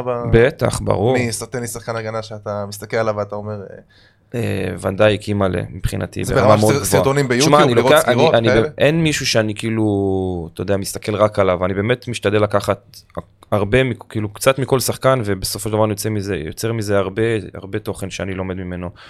אה, אם זה עם הכדור, סרחיו רמוס, שאתה רואה באיזה אלגנטיות הוא משחק, ו... ואם זה ונדייק שהוא מדהים גם עם הכדור וגם בלי הכדור. יש המון שחקנים, אני זה... בכללי, אם תשאל אותי מי השחקן שהכי אהבתי אי פעם בהגנה, זה קנברו. שלמרות. הגובה שלו, היו לו נתונים פיזיים פסיכיים. אין ולא ו... היה כמו קנברו במונדיאל 2006. ב... אין ולא היה לא ברמה הזאת. לא סתם, הוא שחקן הגנה היחיד שלקח כדור הזהב, זה לא כן, מובן כן, מאליו. חד משמעית. ודיברנו דיברנו עם עוד שחקן הגנה גדול של מכבי חיפה, דקל קינן. אה, הוא, הוא, הוא אומר שאתה יודע, יש היום את הקטע שבלמים מאוד חשוב הקטע הזה של גם uh, שיהיה להם משחק רגל טוב, אם זה דריבל, אתה יודע, לשבור קווים uh, וכדורים ארוכים ודברים מהסוג הזה, הוא אומר, זה בסדר, אבל זה לא, בוא נגיד זה, זה שולי מבחינתו, הוא אומר קודם כל בלם שיהיה, שיהיה בלם, שידע לסגור, שידע להרחיק, שידע לחלץ, אבל בקבוצה כמו מכבי חיפה נראה שהיכולת הזאת שלך היא כן מאוד קריטית, זאת אומרת, כי זה נראה שאתם לפעמים תקועים במשחק שלכם. והוא יוצא עם הכדור קדימה. כן, ואתה יוצא עם הכדור קדימה ומצליח לעבור איזה שחקן שניים בדריבל ולבטל, וליצור איזשהו יתרון מספרי במרכז המגרש, ונראה שדווקא אצלכם זה כן קריטי, אז יכול להיות שאתה קצת חולק על ה... לא, כמו שאמרתי לך, דיברתם על זה גם בעניין המגן השמאלי, הכדורגל משתנה, הוא, הוא נהיה יותר ויותר אה, התקפי תקרא לזה. ונותנים המון חשיבות גם לשחקני הגנה בפן ההתקפי. במגן זה לעלות ולתת קרוסים ולעשות פעולות התקפיות. בתור בלם זה הנעת כדור, זה לדעת להרוויח שטח עם הכדור, זה לדעת אה, ליצור לעצמך אפשרויות מסירה. אז כן, חד משמעית, הכדורגל הולך לשם וזה מאוד חשוב בקבוצה כמו מכבי חיפה שעומדת גבוה, שהקבוצות מסתגרות, מסתגרות בחצי שלה המון, בחצי ההגנתי של, של הקבוצה היריבה. אתה חייב לדעת אה, לנסות לפתוח את זה, את הפקק הזה שהם יוצרים לך שם. וכשבאים ולוחצים אתכם, נגיד כמו שלדוגמה ראינו את מכבי נתניה עושה עונה, זה משהו שפתאום מבלבל קבוצה גדולה, זאת אומרת ראינו אתכם קצת לא, קצת מתקשים להתמודד עם זה. עם עניין של לחץ, של קבוצה שבאה באמת לוחץ לכם ולא מחכה מאחור. בסופו של דבר הייתה לנו איזושהי בעיה עם הנושא הזה, אבל uh, אתה יכול לראות את המשחק האחרון שלנו נגד מכבי נתניה, שהדברים uh, כן התחברו לנו. אה, אז אני חושב שבאמת הראינו, הראינו יכולת מדהימה ב-4-0 הזה האחרון. אבל כן, לפעמים אתה יודע, קבוצה מגיעה עם איזושהי טקטיקה שאתה לא כל כך מוכן אליה, או באותו, באותו משחק ספציפי הדברים פחות מסתדרים לך, וזה יכול לקרות. גם עם קבוצה, ש... אתה יכול גם אה, להגיע למשחק של קבוצה שעומדת מאחורה, ואתה לא מצליח לפצח את הבונקר. אתה כי זה משהו שמאוד חשוב עכשיו, אתם הולכים לשחק באמת במוקדמות ליגת האלופות, מול קבוצות שאני מתאר לעצמי שמן הסתם, אה, שמן הסתם ילחצו, אז פה בארץ, אתה יודע, פחות, תמיד אתם יזמתם, תמיד אתם, אה, לרוב אתם, אתם יזמתם, אתם החלטתם את הקצב, פה זה משהו שונה עכשיו, זה משהו, כן, זה אני לא חושב שונה. שזה בהכרח יותר קשה, אני חושב שדווקא כשקבוצה לוחצת אותך, אם אתה תדע לצאת בצורה יפה, אתה, יש הרבה יותר מרווחים, זאת אומרת, אה, אנחנו כשחקנים שאוהבים לשחק כדורגל, זה טוב לנו. אתה מאמין, פחות אתה צפוף, ב... פחות בלאגן, אז זה טוב מאמין... לנו גם, אז אתה יודע, זה, אני חושב שזה תלוי, תלוי משחק מאוד. אתה מאמין בבילדאפ ואימה, או שאתה יודע, הקבוצה הבאה לוחצת, ניתן כדורים ארוכים ולא נסתבך? אני מאוד מאמין בבילדאפ, אני חושב שאתה גם יכול לראות את זה בנתונים שלי, אני לא אוהב להעיף את הכדור. כן. כשצריך צריך, כן, גם עושים את זה חכם, לא בועטים את הכדור למעלה, אלא מחפשים איזה תנועה של החלוץ, אבל כן, ברור שבבילדאפ, אני חושב שלאורך זמן, אם אתה תנסה לשחק כדורגל אז אתה תהיה הרבה יותר טוב מאשר uh, לשלוח כדורים למעלה וזה יכול להצליח פעם או פעמיים, לאורך זמן זה פחות הולך, אבל uh, אתה רואה השנה אנחנו עושים, משחקים המון uh, כדורגל חיובי והתקפי, ואני חושב שזה בא לידי ביטוי וראו את זה מאוד בכל העונה הזאת. חד משמעי. נחזור עוד לעונה הזאת במכבי חיפה, אבל אתה uh, עובר להפועל באר שבע, uh, פעם ראשונה שאתה נפגש עם ברק בכר, uh, איך נולד המעבר הזה? אמ, הייתי שחקן אה, בהפועל חיפה והתקשרו אליי אה, אה, לגבי מעבר להפועל באר שבע וגם ברק דיבר איתי וברגע שראיתי את הרצון שלו ו... ואת ה... הרצון שלו בעצם שאני אגיע ואת האכפתיות שלו שאני כן אצליח וכן אעשה קפיצת מדרגה אז לא חשבתי פעמיים. הגעתי לשם. אה, וזהו. וכבר זה, אז... ושם זה, זה התחיל בעצם, שם כבר זה... אז ראית את האיכויות של ברק, זאת אומרת זה היה משהו אחר ממה שהכרת? חד משמעית. תשמע, יש, זה צוות שבא איתו גם uh, לחיפה, כן? חוץ כן, מצרף. ברק והצוות כמובן. בדיוק. זה... Uh, uh, חד משמעית, כן. איך, צורת איך זה... העבודה, יכולת המקצועית, uh, הבנת המשחק. באמת מדהים, באמת. אתה יודע, זה, זה משהו לא רגיל, זה לא משהו שרואים, ועברתי המון קבוצות. וכבר באימונים הראשונים אתה אומר בואנה אני משתפר אני נהיה שחקן כן, יותר טוב. כן קודם כל היו שחקנים מאוד איכותיים שזה תמיד משפר אני באמת אומר את זה כשאתה משחק עם שחקנים טובים אתה נראה יותר טוב לא יעזור. אה, וגם כמובן כן הצוות המקצועי שהוא באמת אה, ברמה מאוד מאוד גבוהה אה, תרם המון בטח ובמיוחד במכבי חיפה עכשיו. עם כל הצוות של האנליסטים וכל הכברת. המערכת, הכוורת המדהימה הזאת, אז זה באמת uh, מעלה אותך ברמה, חבל על הזמן. התבאסת אז עם איך שזה, איך שזה אכזב אותך קצת איך שזה נגמר אז מבחינתו של ברק בהפועל באר שבע? זאת אומרת, uh, ברור, ברור שהתבאסתי, כן, מבחינתי זה היה קצר מדי, חד משמעית. אמרת זה מאמן שאהב אותי, ש... מה, מה קורה באמת לשחקן בשלב הזה, מאמן שבאמת אהב אותך, האמין בך, מסיים את תפקידו, מגיע מאמן חדש, יוסי אבוקסיס, שלא התאמנת אצלו לפני זה, אצל יוסי. התאמנתי איתו מעט בבני יהודה. מעט בבני יהודה, כן. ומה, מה, מה עובר בראש בתקופה הזאת? אה, כמובן שהתבאסתי מאוד אה, בגלל שמאוד אהבתי את ברק וחשבתי שאני יכול ללמוד ממנו הרבה וזה יכול לקדם אותי כשחקן אבל אתה יודע לפעמים דברים לא תלויים בך אנחנו בסך הכל זה אה, הורגש שמה? אמ, באותו אה, זמן כן, אבל אז מגיע, כאילו אין לך זמן אה, יותר מדי אה, לחשוב ולהתבאס. מגיע מאמן חדש, צריך להראות לו מה אתה שווה ולהתחיל להתאקלם לצורת המשחק שלו ולמה שהוא רוצה שתעשה על המגרש. אז אין זמן יותר מדי לחשוב. מה היה ההבדל בין ברק בכר ליוסי אבוקסיס? כי זה גם כדורגל שהוא שונה. כן, זה כדורגל שונה, בדיוק, קשה לעשות את ההשוואה הזאת.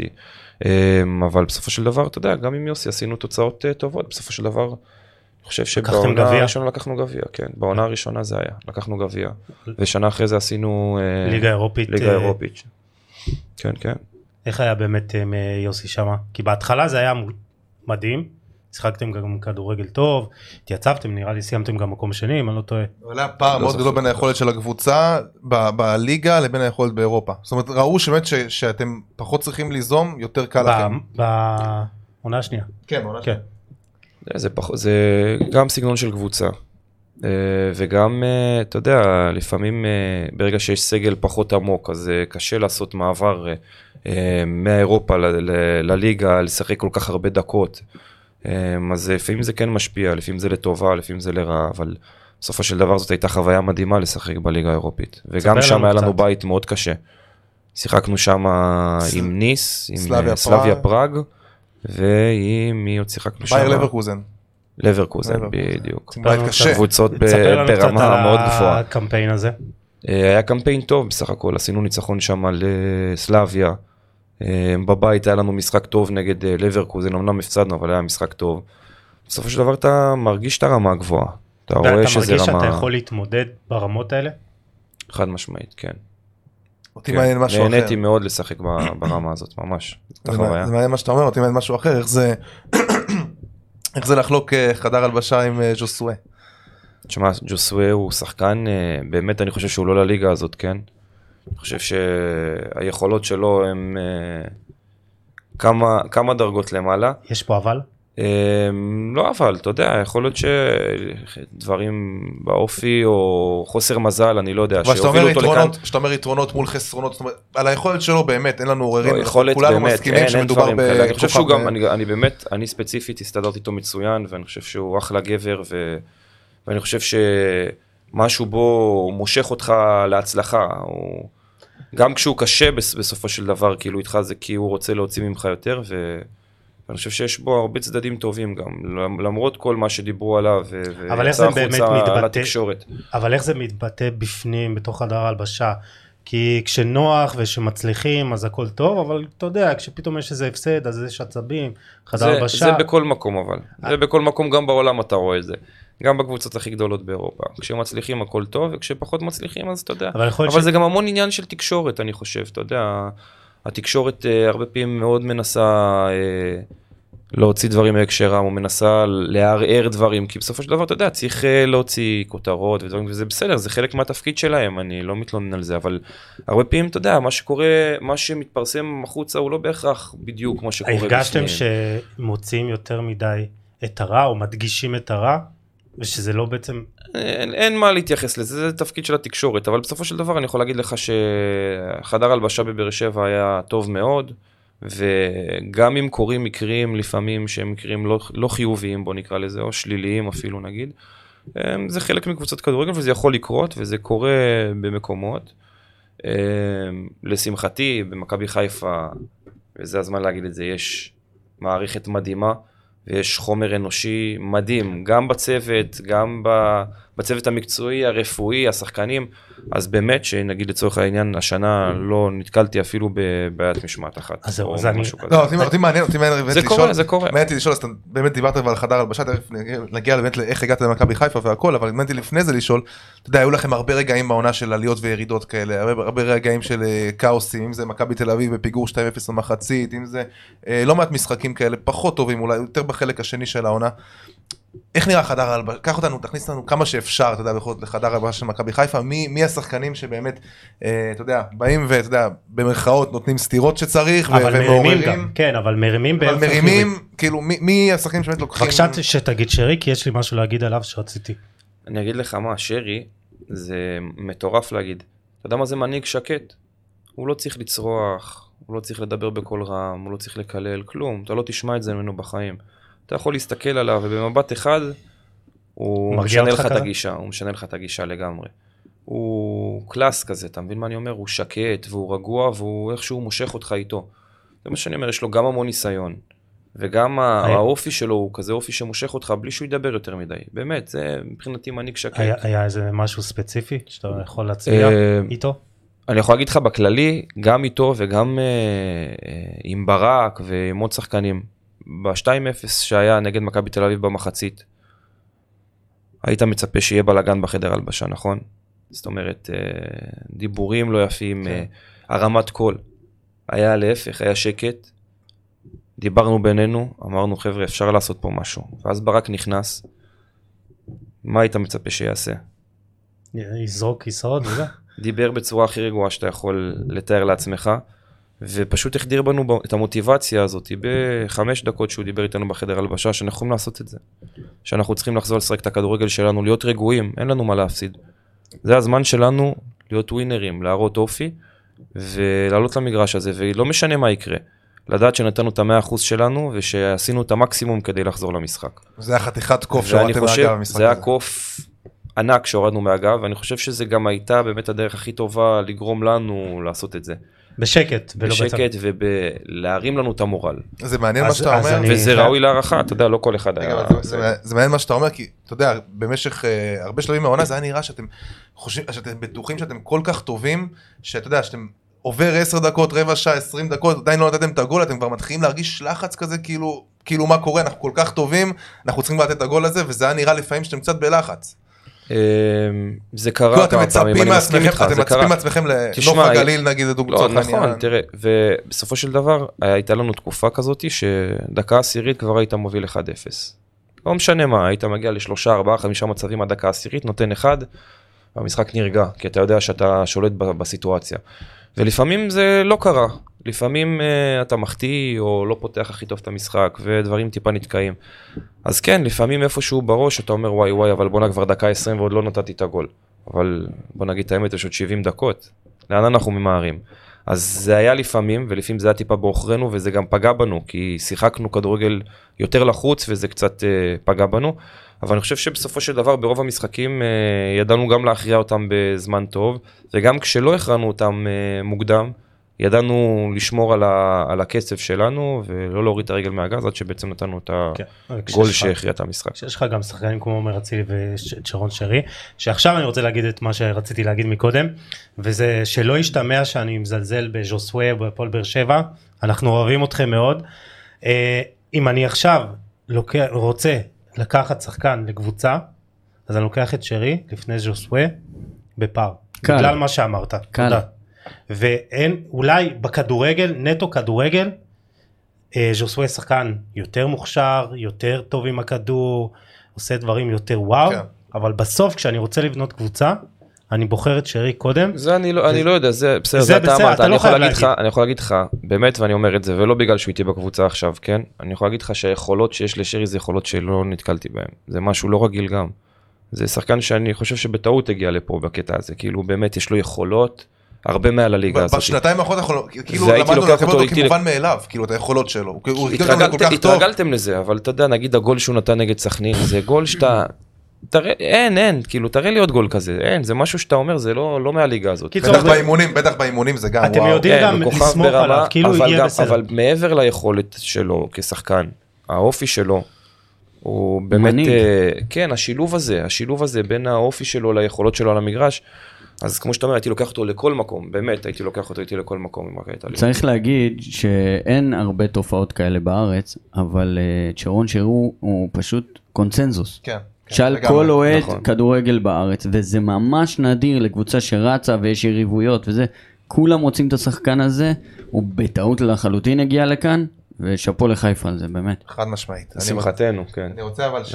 כן, זה היה לי חשוב מה כן, להגיד את כן, זה, כן, כן. כן, נו, התפזרנו ואנחנו ככה, אתה יודע, מדלגים בין נושא לנושא וזה כיף, אבל בוא נדבר, אה, בוא נדבר באמת על ההתחלה שלך במכבי חיפה.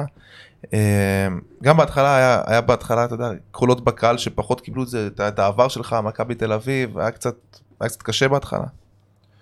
אמ, לא, לא, אני באמת מהשנייה הראשונה הרגשתי בבית, ואני אגיד לך למה אני מתכוון, אם זה מהמערכת עצמה, אם זה מהשחקנים, ואם זה מהמון המון אוהדים. שמע, אני יכול להבין, אני יכול להבין את, אה, את ה... אמרת את החלק הקטן הזה שזה הפריע לו, אבל בסופו הרגישות, של זיהית את דבר... הרגישות למכבי תל אביב מההתחלה, כאילו, זיהית את הקטע של ה... אה, לא, פחות, לא, פשוט הבנתי שיש איזשהו עניין מסוים, וזה בסדר מבחינתי. מבחינתי הייתי בתקופה מסוימת שאני צריך להוכיח אה, את מה שאני צריך להוכיח, וזה היה בסדר גמור מבחינתי. אני יכול להבין אותם, אבל בסופו של דבר אני הגעתי, כי אני מאז ומתמיד ראיתי את המועדון הזה, מכבי חיפה, הסתכלתי עליו בצורה, כאילו היינו באים ומשחקים נגדם, ובאמת הכל היה שם מתוקתק, והקהל מטורף, ומאוד מאוד רציתי להיות במקום הזה, באמת, היה לי, מבחינתי זה היה כבוד גדול גדול שבכלל פנו אליי ורצו שאני אבוא לשחק. אז uh, קיבלתי את זה ואמרתי, טוב, זה הזמן שלי להוכיח ולהראות שאני למען הקבוצה במאה אחוז, לא באחוז אחד פחות, באמת, אני אתן את הלב שלי על המגרש כי זה באמת אני וזה האופי שלי, וכן אני רוצה שהמועדון הזה יצליח. אני רוצה שמכבי חיפה תזכה שוב פעם באליפות ושתהיה ותבסס את עצמה שנים קדימה. אז עשיתי את הכל למען המועדון הזה, ואני שמח שבסופו של דבר הדעות השתנו, זה בסדר.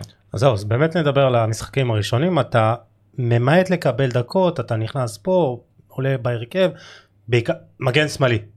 ואז אה, מחזור אה, שישי עופרי ארד מקבל כרטיס אדום אה, בהפסד לבאר שבע 2-1 יש לכם מאזן של שני הפסדים תיקו ושני ניצחונות ואז אתה עולה למשחק של מול הפועל ירושלים בחוץ בלם לצידו של פלניץ' והיה שער מאז היסטוריה. קח אותנו בכלל לרגע שברק, אתה יודע, דיבר איתך על פעם ראשונה על הקטע הזה של להיות בלם. כן, זה תהליך או שזה כמו שזה אומר טוב אנחנו עכשיו צריכים בלם בוא תכנס. כשהוא שיחק בנוער הוא היה בלם. כן, כן. זה גם זה כאילו ראית שחקתי גם בבוגרים, אה, כן. בקבוצות שהייתי מדי פעם.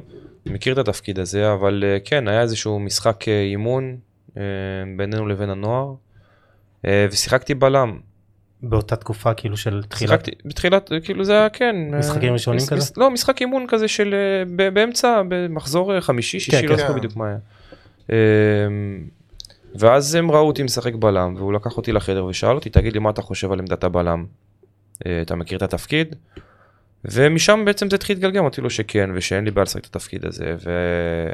אבל עד ואז אז שיחקתי את המשחק אה, נגד הפועל ירושלים בתור בלם. אבל עד אז בת- כל התרגולים טקטיים של אתה יודע לפני משחק מגן. וזה תמיד מגן מגן, כן, מגן. הייתי מגן, ואז אה, אתה משדר לו שאתה רוצה לשחק בלם אני, כאילו- אני משדר דבר אחד, לא משנה מה תיתן לי לשחק, וזה יישמע קלישאתי, אבל גם אם תיתן לי לשחק שוער, אני אעשה את המקסימום כדי להיות הכי טוב שאני יכול וכדי לעזור לקבוצה, וזה באמת לא קלישאתי, אני באמת כזה באופי שלי.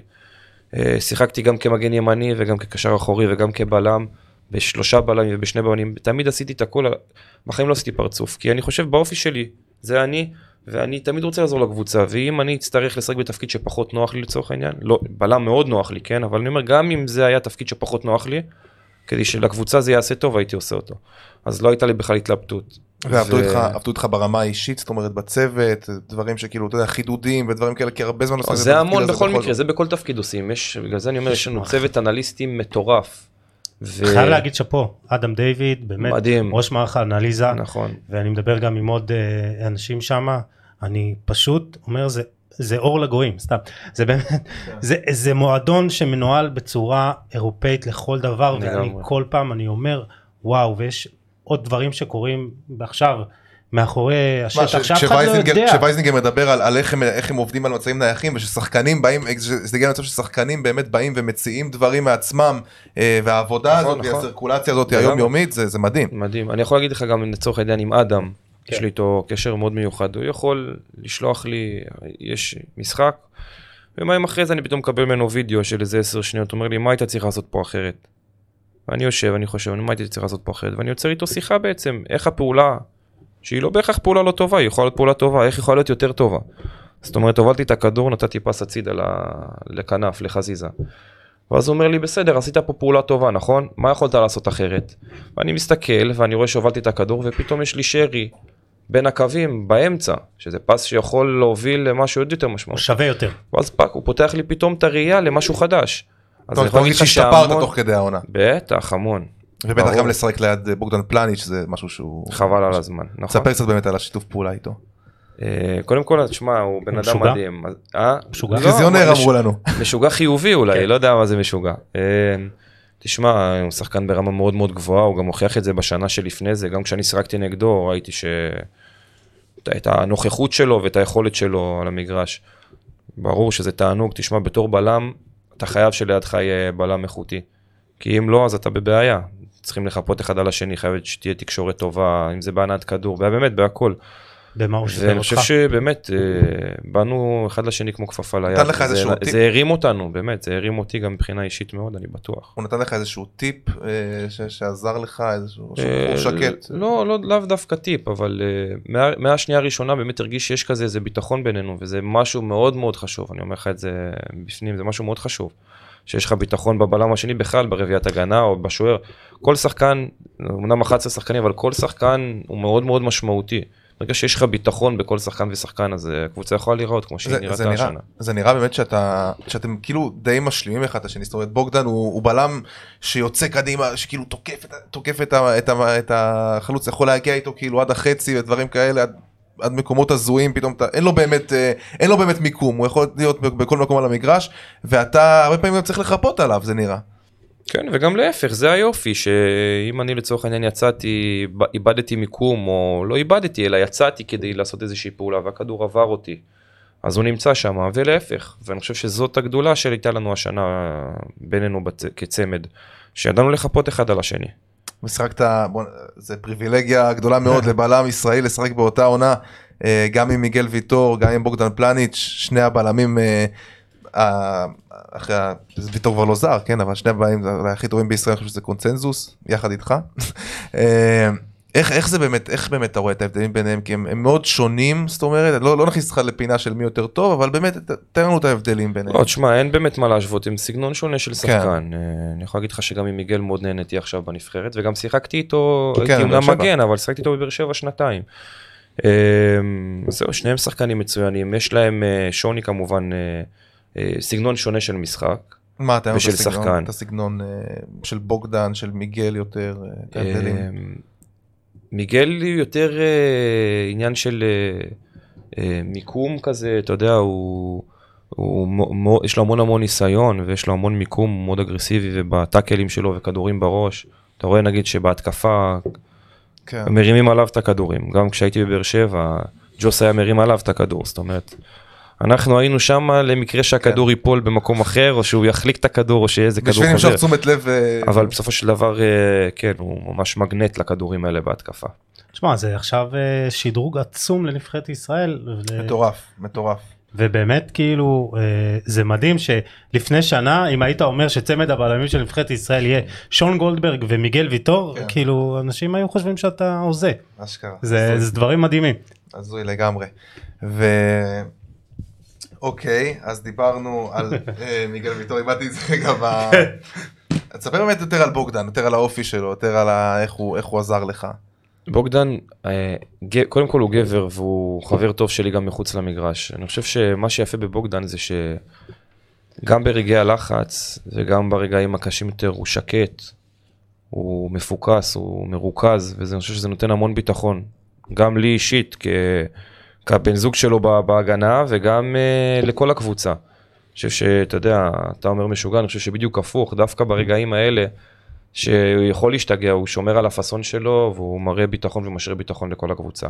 ועל היכולות שלו באמת אין מה לדבר, אתה יודע. אני חושב שהוא מהיר בצורה קיצונית ויש לו המון טכניקה ואחד על אחד שלו מצוין וכל כדור בראש הוא לוקח, זאת אומרת באמת יש לו יכולות uh, מדהימות. אבל גם הוא חווה קצת uh, עליות וירידות העונה ואיך הוא מתמודד עם זה, איך הוא התמודד עם זה?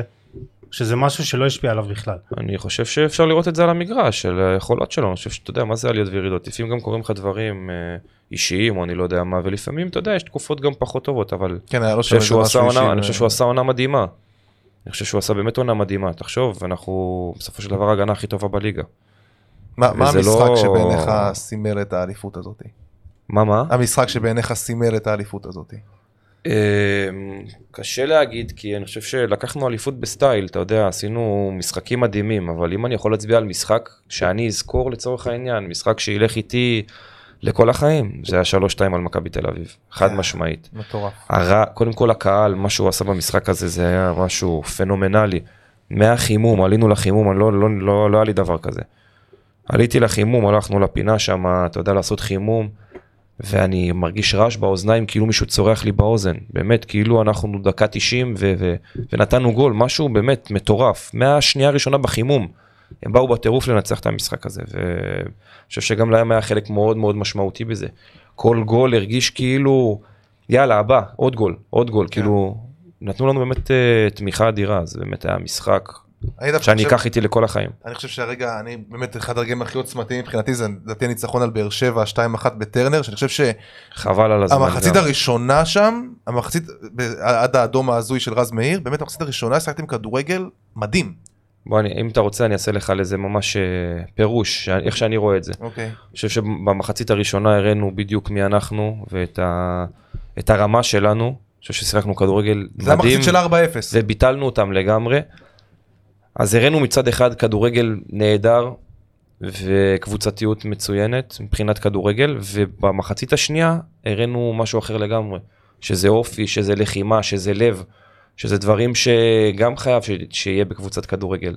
אני חושב שבמשחק אחד הראינו כל כך הרבה פנים, גם את הפן המנטלי, גם את הפן הפיזי, גם את הלב, את הנשמה, גם את הכדורגל. אני חושב שבמשחק אחד באמת ראינו כל כך הרבה צדדים של הקבוצה הזאת. זה המשחק שמסמל אז יש בזה, יש משהו במה שאתה אומר, חד משמעית. המשחק אה, גם, מפתח.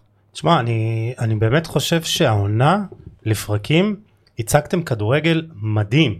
אולי הכי טוב, ויש לי זיכרון מאוד קצר, אז יכול להיות שאני מגזים, אבל באמת הכדורגל שאני רוצה לראות, זה היה כדורגל יוזם, זה היה כדורגל אינטנסיבי, לוחץ, התקפי, שיחקתם כדורגל יפה. היו גם תקופות פחות טובות, אבל כאילו הייתה תחושה, אני, אתה יודע, בתור אוהד אה, לא של חיפה, אבל תחושה שמגמדים את זה. אתם הרגשתם שמנסים לגמד או לפגוע בכם? לא, לא, אני, אני אגיד לך את האמת, אנחנו פחות מתייחסים, אני לא מסתכל כמעט, אני לא מסתכל אה, אה, תקשורת בדברים האלה, אני לא חושב שיש בזה טעם. זה לא כי- משהו שמדליק אתכם? מה מדליק אותנו? שכותבים עלינו דברים אה, מדליק אתכם שליליים? בקטע טוב. לא, לא, לא, לא, אני חושב שאנחנו היינו מאוד מפוקסים, מאוד מרוכזים, היינו באמת אה, עם עצמנו מאוד אה, נוקשים בקטע טוב כדי להשיג את התוצאות שלנו, כדי להיראות כמו שאנחנו רוצים. פחות הסתכלנו על מה אומרים מבחוץ, כי זה באמת לא מעניין. אתה יודע, בסופו של דבר, אני חושב שלא צריך להסתכל מה אומרים עליך. אתה צריך להסתכל במראה, ואם אתה יודע מה אתה שווה, ואתה אה, בטוח ב-100% שעשית את המקסימום בכל משחק, או שאתה עושה את הכל כדי להשתפר, זה יותר חשוב. הרגשתם שאתם במקסימום שלכם?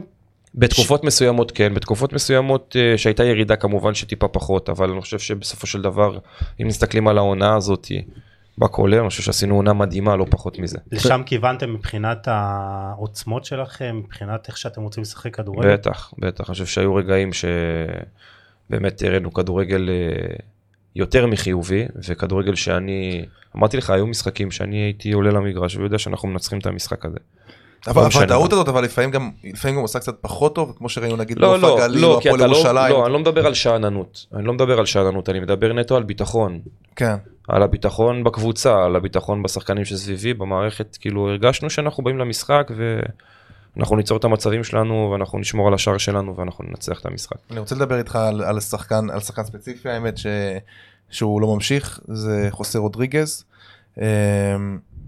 אני חושב שזו אבדה מאוד גדולה, זאת אומרת, תקן אותי אם אני טועה, אני חושב שזה שחקן שבאמת עשה כל כך הרבה תפקידים וגם נראה שהוא נותן לכם שקט בתור בלמים, שהוא משחק גם, גם בקישור, גם בתור מגן שמאלי, ספר קצת באמת על ה... חד משמעית אבדה, גם... כי זה שחקן שיכול למלא הרבה מאוד תפקידים וזה נכון, נכס כזה. וגם האופי שלו בחדר הלבשה. כן. הוא באמת אה, יחסר לנו. אה, אני לא יודע בדיוק מה איתו, אני לא יודע אם זה סופי או לא, זה אתה אמרת, אבל אה, בסופו של דבר, אה, כנראה. אני חושב שהוא איש מערכת נהדר, זאת אומרת, הוא מאוד בריא לחדר הלבשה, הוא מצחיק והוא חיובי, וזה גם מאוד מאוד משמעותי. ומבחינת הכדורגל אין מה לדבר, אני, אני יכול להגיד לך שגם כשהגעתי, כאילו כשהגעתי, ידעתי מה הוא שווה, ואני יכול להגיד לך שהוא הפתיע אותי בצורה אדירה. האיכות שלו עם הכדור, הניסיון שלו, ההבנת משחק שלו, לא משנה באיזה תפקיד תשים אותו. שים אותו מגן שמאלי או מגן ימני נגד כנפיים מהירים ממנו פי 6, הוא- הוא הרבה ואף אחד לא יעבור אותו. הוא יותר טוב ממה שהוא נראה. זה- הוא, זה- אני אומר, כשאני באתי ידעתי שהוא טוב, ולא ידעתי עד כמה הוא טוב. זאת אומרת, אני מבחינתי הוא הפתיע אותי אפילו יותר, כאילו, אני מאוד הוא- מעריך אותו מבחינה מקצועית. אז זהו, אבל הוא גם סמל ל- לתשוקה, למקצוענות, כאילו אתה רואה אותו כמה הוא מביא את האנרגיות החיוביות האלה במשחק, ואני חושב שזה, אתה יודע, לפעמים גם יותר חשוב מכל איזה משהו אחר, ואתה מדבר על חדר, חדר הלבשה בריא, ואז אתה אומר לי, טוב, שרי הוא המנהיג השקט, והוא מקצוען ומצחיק, וכאילו צריך את ה... בסוף בקבוצה מנצחת, צריך גם את ההרמוניה הזאת בין כל השחקנים. זה הכי חשוב, זה לפעמים יותר חשוב אפילו מיכולת על ואפילו המגרש. ד- דיברו על אה, רמי גרשון שהוא שחקן שאתה יודע אה, יעלה לחמש דקות אבל הוא ייתן את המקסימום וגם אה, סמל עם מקצוענות. אני אגיד לך, אני גם פגשתי את רמי אתמול, היינו בחתונה, בדיוק, וגם שלחתי לו הודעה אחרי שהוא חתם, אמרתי לו, אני מאוד מאוד שמח בשבילך, וגם בשבילי. כי אני באמת חושב שרמי הוא בן אדם מדהים, מעבר לזה שיש לו המון המון ניסיון, והוא תמיד עוזר, והוא תמיד נותן את העצות שלו ואת הטיפים שלו, ויש לו המון המון ניסיון לתת. אה, אני חושב שהוא, דיברת על זה, הוא באמת אהוב, הוא מדהים, מאוד אהוב מדהים מאוד הלבשה. מדהים, מאוד, ובצדק. והוא- גם כשחקן וגם כחבר לקבוצה, גם בחדר הלבשה, באמת אה, משמעותי מאוד ואני מאוד שמח שהוא נשאר איתנו. בוא, בוא נדבר בקטנה באמת על, על אה, אין מה לעשות שחקן העונה עומר אצילי שבאמת איך זה לשחק עם שחקן זה נראה לפעמים שאתם, אתה יודע, גם, גם במצב שאתם תקועים, אני לא אומר, הרבה אנשים אמרו את התלות באצילי, התלות באצילי, אבל בוא, גם שחקני התקפה אחרים, אם זה דין דוד, אם זה דולב חזיזה, באמת נתנו מספרים נכון. אדירים, אבל. אבל הוא באמת בשלב, בפרק זמן מסוים של העונה, הראה דברים חריגים. איך זה באמת לשחק עם שחקן כזה שאתה, מה, אתה מרגיש שגם אם שאתה תקוע, אתה נותן לו את הכדור ויהיה בסדר? כן, הוא כאילו, זה נראה שהוא הוכיח עושה את זה גולים בהמון מכלום. משחקים. כאילו יש טקטיקה, תמסרו לאצילי אני, עכשיו, וזהו. אני יכול לחשוב עכשיו בשנייה על כמה משחקים כאלה שהרגשנו תקועים ופתאום הוא עשה איזה הובלה לאמצע יפה כזאת כמו רובן ונתן את הפינס, נגיד, קריית כן. שמונה או הפועל תל אביב בבלומפילד, הגול לקראת בטרנר. המחצית שעשינו, הגול בטרנר על ההתחלה, יש לו את זה בגדול, תשמע, אה, באמת אין, אין מה להוסיף, אין מה להוסיף, אמרת הכל ו, ולא סתם הוא שחקן העונה ולא סתם הוא עשה את המספרים המטורפים האלה, 20 ו-10 זה משהו שהוא מה הביא אותו מעבר? מאוד חריג בנוף שלנו. מעבר ליכולת המקצועית, כאילו, מה אתה, מה אתה רואה אצלו שונה, כאילו, מה, מה זה? קודם זה... כל ההבנת משחק שלו ברמה מאוד מאוד גבוהה, הוא יודע להיות במקום הנכון בזמן הנכון. אמ, יש לו בעיטה, אם הייתה לי בעיטה כזאת, איך שהייתי מקבל את הכדור לא משנה מאיזה מקום במגרש הייתי בועט, גם שרי אותו דבר. אמ, ויש לו את היכולת הזאת להיות שם במאני טיים, וזה, אני חושב שזה גדולה, זה משהו שנולדים איתו. חד משמעית, נתן באמת עונה מפלצתית. טוב, אה, נדבר קצת על אה, ברק בכר, העונה, זה נראה שהוא משדרג את עצמו כל פעם מחדש. אז באמת כאילו מה הייחודיות שלו שאתה אומר בואנה ברק בכר מבחינתי הוא המאמן אולי שהכי השפיע עליי בקריירה כי אתה אומר גם בבאר שבע למדת ממנו המון אני בטוח שהשנה הזאת היא שדרגה אותך עוד יותר. חד- מה, חד מה, מה. ראית אצלו שלא ראית אצל, אצל מאמנים אחרים? חד משמעית, אני חושב שהוא, הוא- קודם כל הוא מאוד חדשני בהסתכלות שלו על הכדורגל, אני חושב שאני לומד ממנו המון, ואני גם מאוד שמח שאני עוד אמשיך ללמוד ממנו, אה, ממנו ובכלל מהצוות, וגם צרפתי שיש לו המון המון ידע, אה, וגם המון המון אה, עוזר לי. חד משמעית, אני חושב שההתנהלות, קודם כל, בראש ובראשונה היא, היא מדהימה, וזה גם מאוד מאוד חשוב. אה, אני חושב שהכל מאוד מסודר, ויש לנו ניתוחים אה, שעושים לנו אחרי משחקים ולפני משחקים על הקבוצות, ואם זה התכנים באימון, שאתה יודע בדיוק מה הוא רוצה ממך, ואתה ממש משתפר, הולך ועושה תהליך של שיפור באותו, באותו דבר. אה, ואם זה הערות כאלה ואחרות, שאתה באמת צריך לעשות שינויים לפי איך שהוא מבקש ממך. אני באמת חושב שזה משהו שהוא לא, לא רגיל בנוף הישראלי. לא, הוא דיבר על זה ברק בריאיון שלו, שהוא דווקא מאוד מעריך את ה... נגיד את הסגנון נגיד של אנצ'לוטי, את את החוכ- כאילו את החוכמת רחוב כביכול, את האנשים האלה שגם פחות באים מהקטע של הקדמה, הוא דיבר על זה, וזה נראה שהוא מביא את האיזון הזה עם אנשים, עם אנשים עם מעטפת כזאת שהוא הוא מכיר את העבודה הזאת, כי הוא עשה את זה בקריית שמונה, שהוא עבד גם כעוזר מאמן, גם כמאמן הוא עשה את זה המון, אבל זה, הוא מקיף את עצמו באמת באנש, באנשי מקצוע בכירים, והוא מביא את החוכמת רחוב הזאת, את ה... לדעת את השחקן איזה שחקן נראה לו טוב עכשיו בעין, איזה שחקן עכשיו אה, להזיז עמדה, איזה חילוף לעשות. כאילו אז חדשני עם כן, ה... כן, זה השילוב הזה. הוא אומר, הוא אומר, אני, אני, ברור זה תמיד טוב לדעת לשלב. לשלב אה, כל מיני דברים, אני חושב שזה הכי טוב, לא להראות רק אה, פן אחד, אתה יודע, לדעת לשלב את עצמך, להיות עם הרבה רבדים. כן. זה ברור שזה משמעותי, אני חושב שיש לו אותם, את כל הרבדים האלה. ואיך היחסים איתו זה, זה אתה יכול להיכנס אליו לחדר ולדבר איתו על הכל? כן, אני ב- באופי שלי לא שחקן כזה שאתה יודע שנכנס אה, לחדר של המאמן כשלא צריך, אבל כן, כשצריך, אה, בכיף, הוא תמיד פנוי ותמיד אפשר לדבר איתו, והוא יכול לבוא אליך ופתאום לדבר איתך, חד משמעית, כן, ליגת האלופות. מה זה עושה לך? חלום. מפ- מפנטזים על זה? ברור, אין שאלה בכלל. טוב, קיבלתם את אולימפיאקוס דרך- עכשיו, יש עוד דרך ארוכה ויש המון אתגרים בדרך, אבל ברור. אה, תמיד uh, אנחנו רוצים לכוון הכי גבוה שאפשר. חיפה, מכבי חיפה זה מועדון שתמיד uh, רוצה להגיע הכי רחוק שאפשר.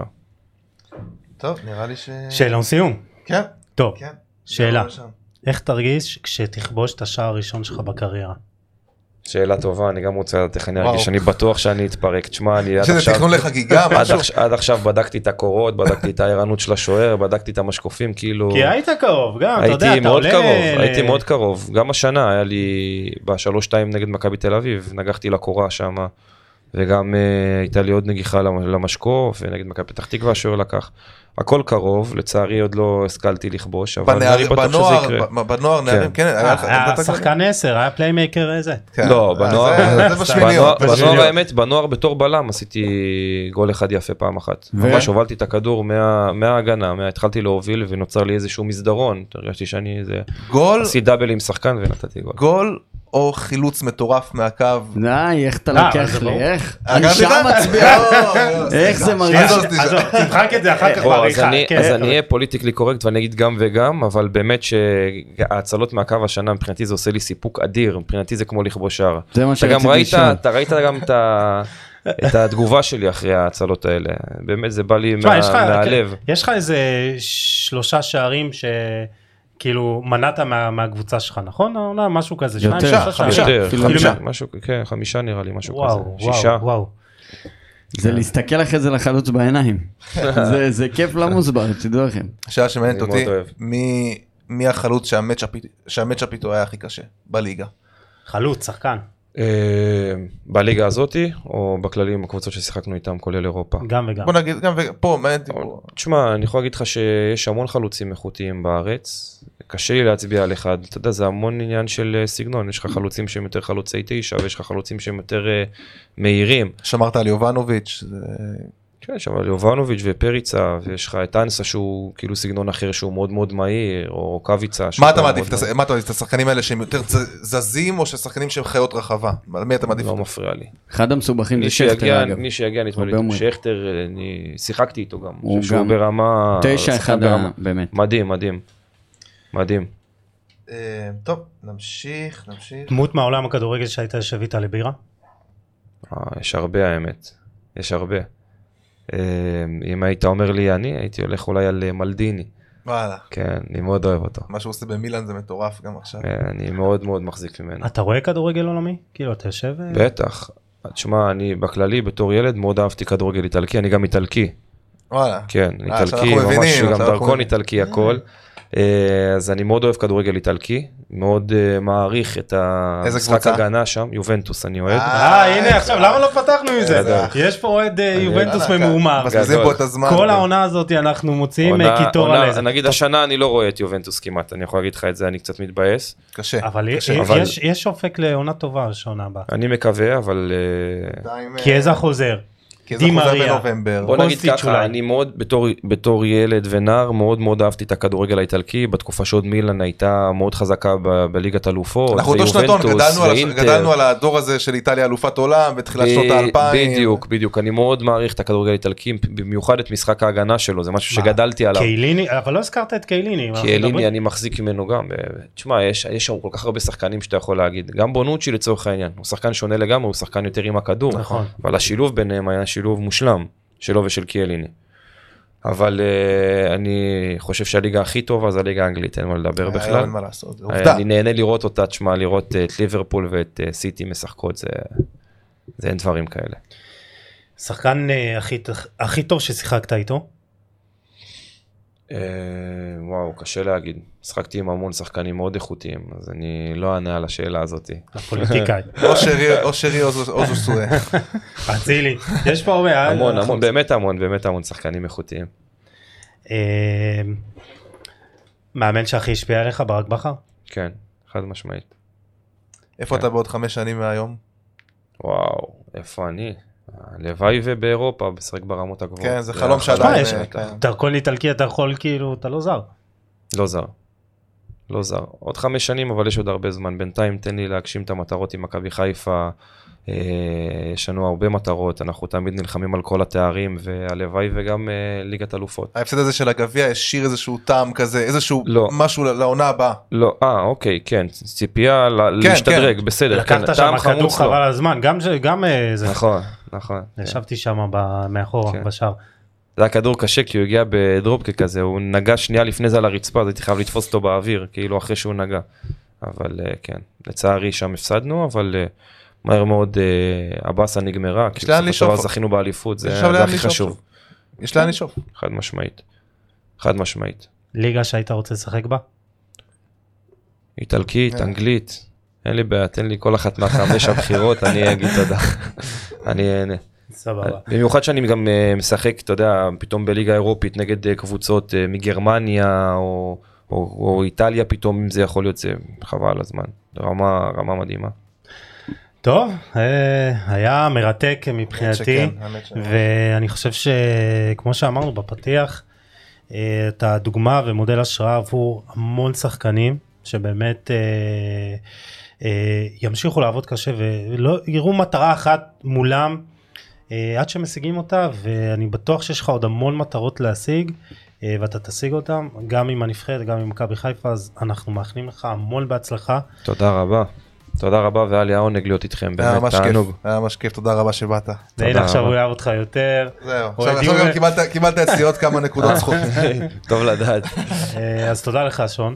תודה לכם. אה, אנחנו רוצים אה, להזכיר שאנחנו פה אצל אוזנה קשה אלוף באולפני פודקאסט סטודיו. אה, ותודה לכם שהייתם איתנו אתם מוזמנים לתייג לשתף ולהאיר את עינינו ניפגש בפרק הבא עם עוד תוכן מעניין ואיכותית שמרו על עצמכם יאללה ביי.